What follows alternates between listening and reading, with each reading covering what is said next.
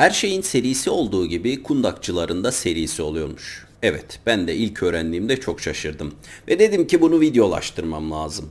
Ama hikayemize başlamadan önce izlemeye yeni başlayanlar için çözülmüş, çözülmemiş cinayetler, seri katiller ve garip suç dosyaları ilginizi çekiyorsa aşağıda bir yerlerde bir abone ol butonu olacak. Ona şöyle nazikçe dokunabilirseniz çok sevinirim.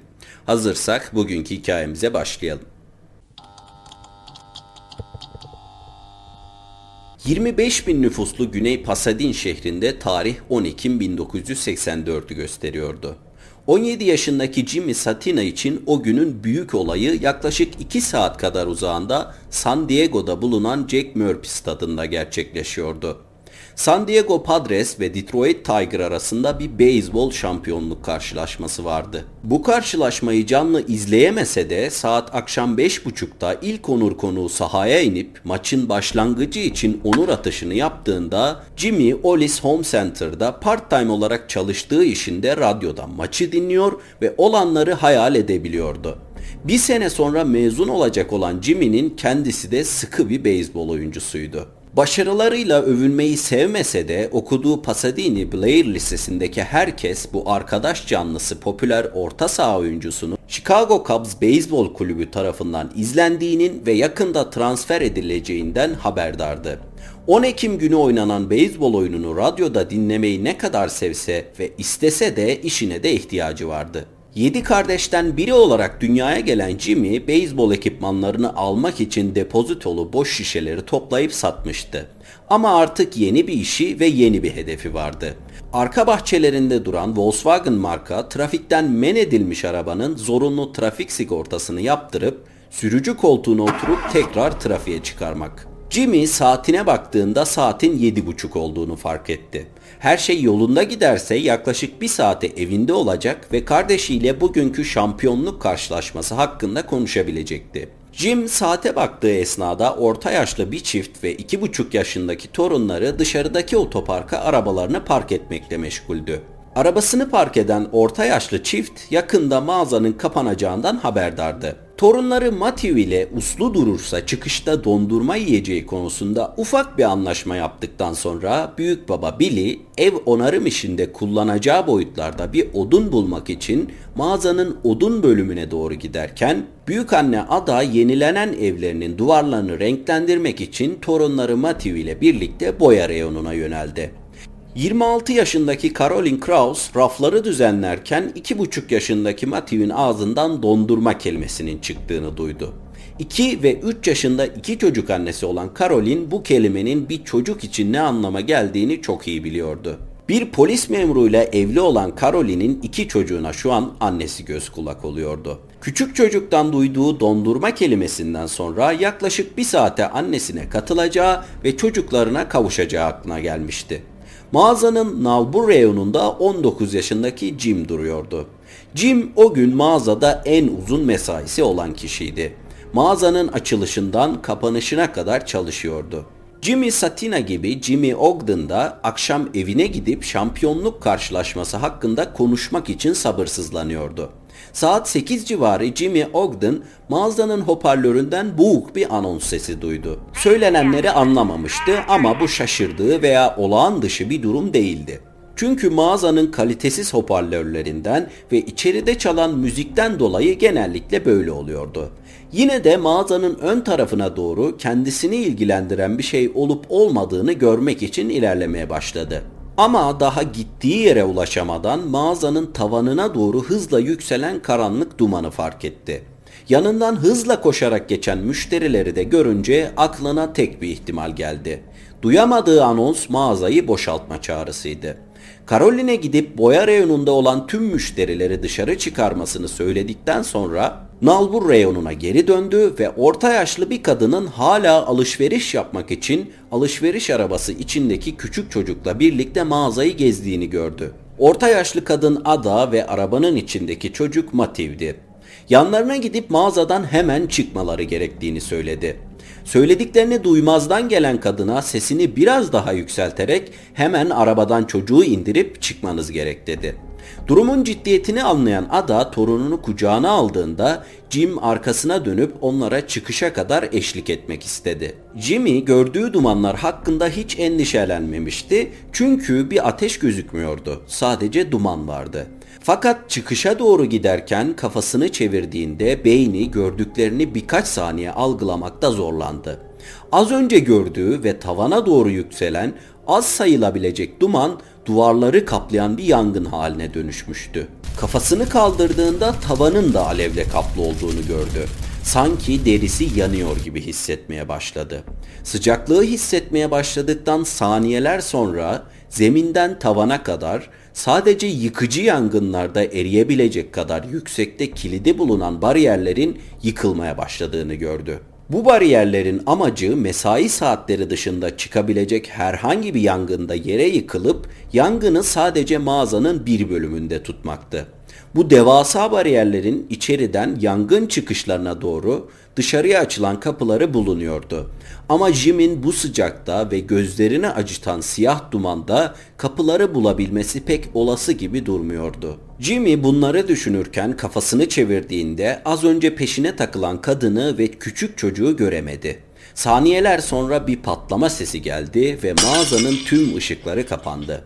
Adanın kocası Billy saat 8'de boğuk anonsu duyduğunda hala odun bölümünde yapacağı işe uygun ölçülerde odun arıyordu. Anonsta ne söylendiğini duyamadı fakat saatine bakıp saatin 8 olduğunu görünce müşterilerin mağazanın kapanacağına dair bilgilendirildiği bir anons olduğunu düşündü. Etrafına bakındığında müşterilerin hızla çıkışa yöneldiğini, hatta bazılarının alışveriş arabalarını dahi almadan koşarak gittiğini gördü. Bir çalışanın yanına gelip yangın var diye bağırması bile ona durumun ciddiyetini anlatmaya yetmemişti. Herhangi bir yangın veya duman göremiyordu.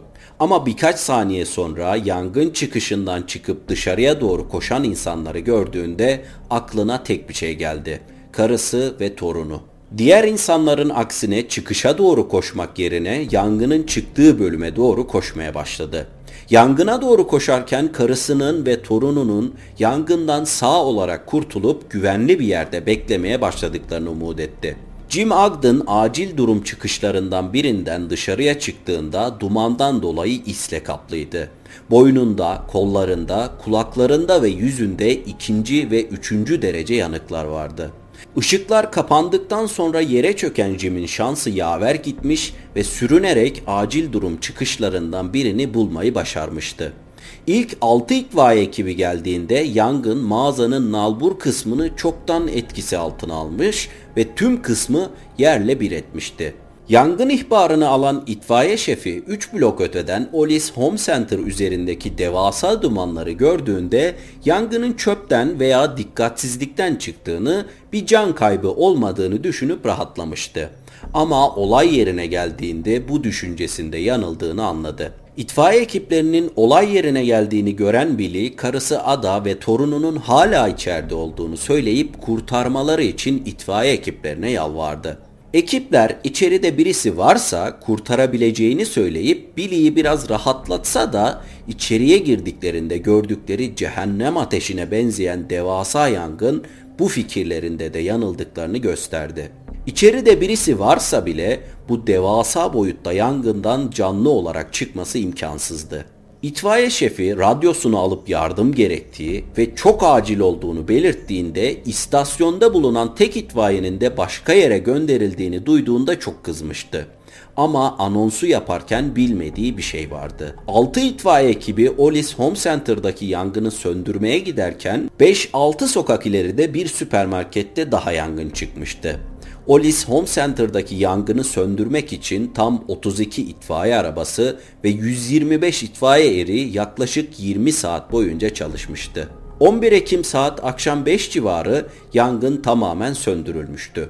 Şimdi kundakçılık şüphesini araştırmak için gelen görevlilerin çalışma zamanıydı. İtfaiye eri olarak işe başlayan ve uzun bir eğitimden geçen bu araştırmacıların tek görevi yangının çıkış yerini ve sebebini öğrenmek. Yangın tamamen kontrol altına alındıktan sonra el arabası ve küreklerle yangının çıktığı mağazaya giren 6 görevli insan kalıntıları ve yangının çıkış yerini aramaya başladı.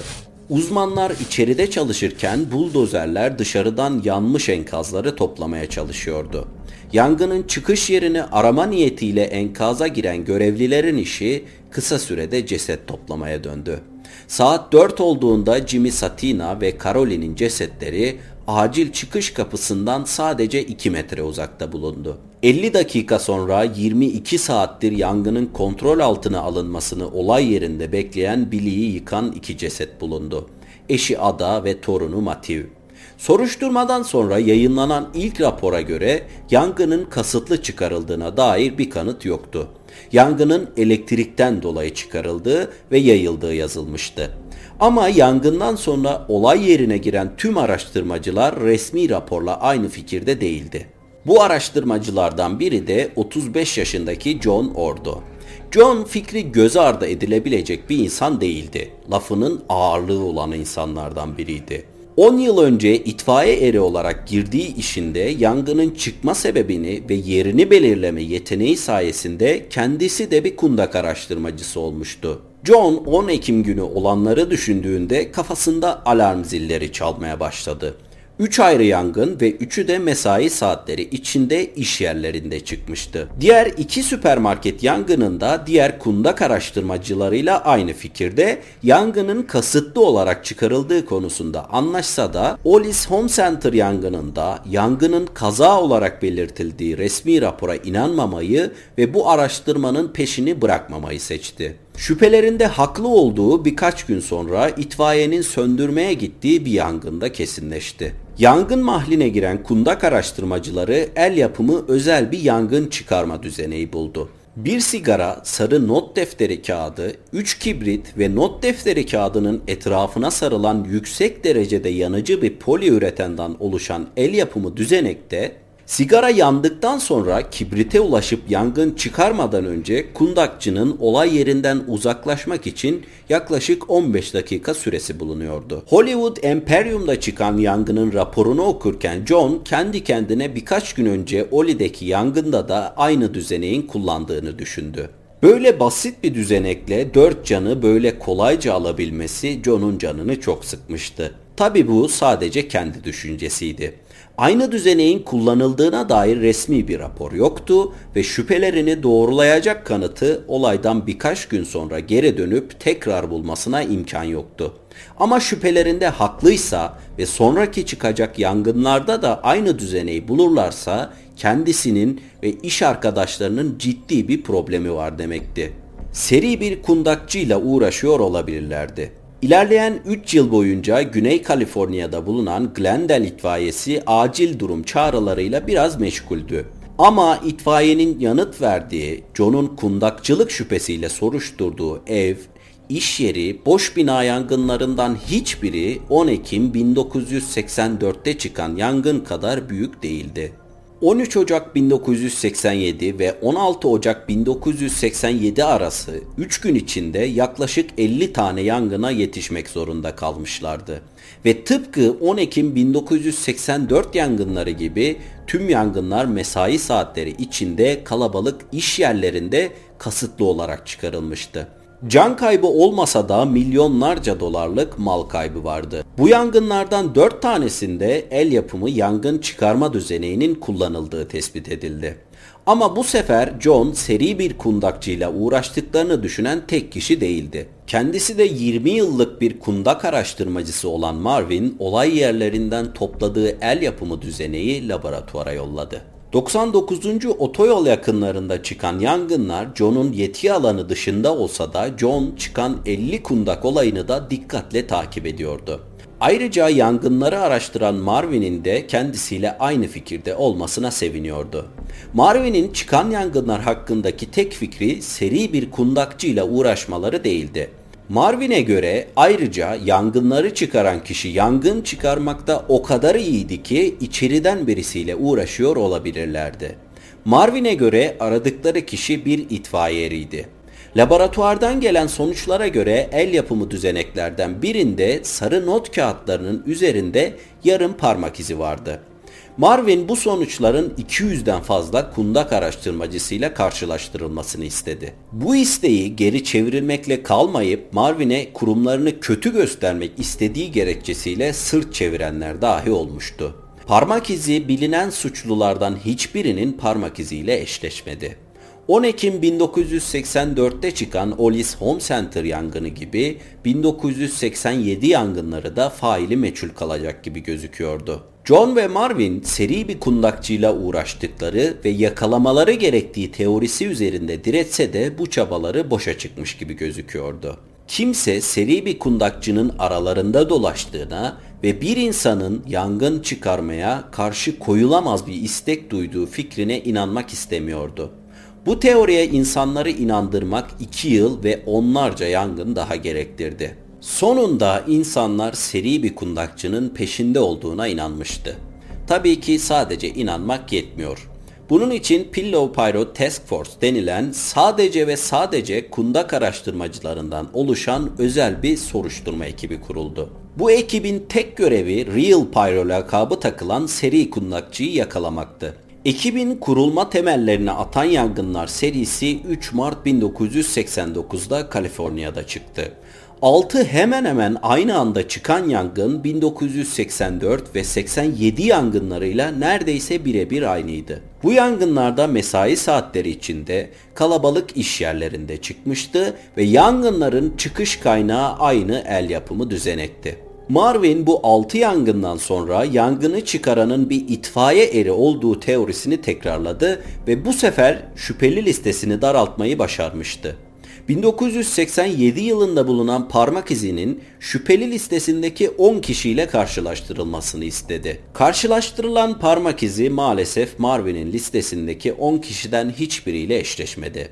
6 yangının şüphelisi olan kundakçı yine kaçmayı başarmıştı. 1990 Haziranı ve 1991 Martı arasında kundakçı tam 19 yangın daha çıkardı. Özel soruşturma ekibinin kurulmasından yaklaşık bir yıl sonra ve seri kundakçının çıkardığı düşünülen ilk yangından 7 yıl sonra 17 Nisan 1991'de kundakçının kimliği tespit edildi. Ama önce kundakçıyı suçüstü yakalamaları ya da kimliğini ele vermesini beklemeleri gerekiyordu. Çünkü kundakçıyı yangınlarla bağdaştıran fiziksel bir kanıt henüz bulunamamıştı. Kundakçıyı izleme sürelerinde yaptıkları birkaç hata da kundakçıyı yakalama sürelerini istemeden de olsa birazcık uzatmıştı. İşlerine yarayacaklarını düşündükleri ilk ipucundan sonra sigara almak için markete giren kundakçının arabasına bir izleme cihazı yerleştirmeyi denemişlerdi. Ama kundakçı sigara almak için girdiği marketten çıkar çıkmaz ilk iş olarak eğilip arabasının arka tamponunun altına bakmıştı. Cihazı hemen çıkarıp atmasa da birkaç gün sonra cihazın sinyali kesilmişti. Kundakçı artık izlendiğinin farkındaydı ve yangın çıkarmaya bir süre ara vermiş gibi gözüküyordu. Şimdi ellerinden gelen tek şey 4 yıldır çıkan kundakçının işi olan yangınları araştıran kundak uzmanlarına dizili fotoğraflar göstermek ve şüphelilerini seçmelerini umut etmekti. Kundakçının yakalanma korkusunu göze alıp yeni bir yangın çıkarması an meselesi gibi gözüküyordu. Pilo Pyro soruşturma ekibi şüphelilerini belirledikten yaklaşık 7 ay sonra 22 Kasım 1991'de Warner Bros. Studios setinde şüpheli bir yangın daha çıktı. John'un şüphelendiği gibi bu yangında seri kundakçının işi ise şüphelileri tekrar yangın çıkarmaya dönmüş demekti. Ve sonunda John'un da tahmin ettiği gibi seri kundakçıyı yakalatan şey yangın çıkardığı yerlere tekrar gitme isteği ve eserini izleme ihtiyacı oldu. Warner Bros. Studios'ta çıkan yangından bir gün sonra kundakçı iki ayrı yangın mahallinde de herkesten önce tekrar belirdi. Bu kundakçının acil durum telsizlerini dinlemesi durumunda dahi imkansızdı. Tarih 4 Aralık 1991'i gösterdiğinde Pillow Pyro soruşturma ekibi seri kundakçının kapısını çaldı. Kundakçının evinde ve arabasında bulunan kanıtlarla birlikte yürütülen soruşturmada öğrenilenlere göre 10 Ekim 1984 akşamı olanlar şu şekilde. Serin bir Ekim akşamında kundakçı Olis Home Center mağazasına giriş yaptı. Yangını çıkarmadan önce geniş koridorlarda gezip mağazanın dekorasyonunu ve içinde bulunan eşyaları incelemeye başladı. Mağaza kolay yanıp tutuşabilecek eşyalar ve kimyasallarla doluydu. Tam da bir kundakçının görmekten zevk alacağı cinsten devasa bir yangın çıkabilirdi. Kundakçı ellerini cebine attı ve el yapımı düzeneğini yokladı. Eserine her dokunduğunda seksüel bir haz duyuyordu. Küçük ama fazlasıyla etkiliydi. Sigarayı yakıp düzeneğini yerleştirdikten sonra az sonra yangında olacakları düşünerek dışarıya doğru yavaş yavaş yürüyerek çıktı. Bir saat önce iki ayrı lokasyonda çıkardığı yangınlar sadece birer yanıltmaydı. Daha az itfaiyenin yangına müdahale etmesi demek kundakçının yani kundak araştırmacısı John Orr'un eserini daha fazla izlemesi ve daha fazla haz duyması demekti. Planladığı gibi de oldu. Olis Home Center bir alev topuna dönüşürken John Orr 35 mm kamerasıyla yangının fotoğrafını çekiyor ve bundan büyük bir keyif alıyordu. John'un hemen yanında bir alev topuna dönen mağazanın içinde karısı ve torunu bulunan Billy duruyordu. Billy'nin hemen yanındaysa az önce Caroline'den evinin anahtarlarını alıp dışarıya çıkan Caroline'in annesi. Caroline'in annesi John'a yaklaşıp kızının hala içeride olduğunu söylediğinde John fotoğraf çekmeyi birkaç saniyeliğine bırakıp soğukkanlılıkla cesetlere bakmaya girdiklerinde Caroline'i arayacaklarını söyledi. Pillow soruşturma ekibi 7 yıl sonra John'un evine tutuklama ve arama emriyle birlikte gittiğinde John'a ait siyah kanvas bir çantanın içinde lastik bantlar, sigara paketleri ve kibritler buldu. Arabasını aradıklarında sürücü koltuğunun altında sarı not defteri sayfaları bulundu. 1991'de bulunan kanıtlar bir yana araştırmacılar John'u hapse attırmak için gereken kanıtı 1987 yılında zaten bulmuştu. Kundak araştırmacısı Marvin Casey içeriden birisinden şüphelendiğinde şüphelilerin sayısını 10'a kadar düşürmeyi 1987 ve 1989 yıllarında gerçekleşen bir konferans sayesinde başarmıştı. Konferanslara katılan kundak araştırmacıları yalnız başına seyahat ediyordu ve yangınların çıktığı sırada yetki bölgelerinin dışında olsalar da yangınların çıktığı yerlerdeydi. Ama şüphelilerin parmak izinin karşılaştırılması sırasında laboratuvarın yaptığı bir yanlış yüzünden John 4 yıl daha yangın çıkarmaya devam etmişti.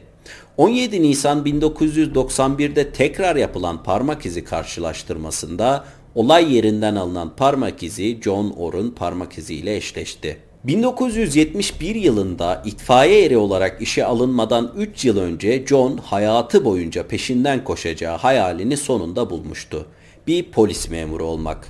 Tüm fiziksel ve medikal testleri geçtikten sonra John yıkıcı haberi aldı. Psikolojik testi geçmeyi başaramamıştı. Los Angeles Polis Departmanı psikoloğuna göre John, kadınlarla ve seksle kafayı bozmuş, şizoid kişilik bozukluğuna sahip, duygusal olarak dengesiz bir insandı. 1992'de yargılanmaya başlayan John Orr, 4 cinayet ve 23 kundakçılık suçundan suçlu bulundu ve ömür boyu hapis cezasına çarptırıldı. John Orr günümüzde hala yaşıyor ve Kaliforniya Eyalet Hapishanesi'nde cezasını çekiyor. Vakit ayırıp dinlediğiniz için teşekkür ederim. Aşağıya bırakacağım sosyal medya hesabımdan bana ulaşabilir, hikaye önerebilirsiniz. Kendinize iyi bakmayı ihmal etmeyin. Hoşçakalın.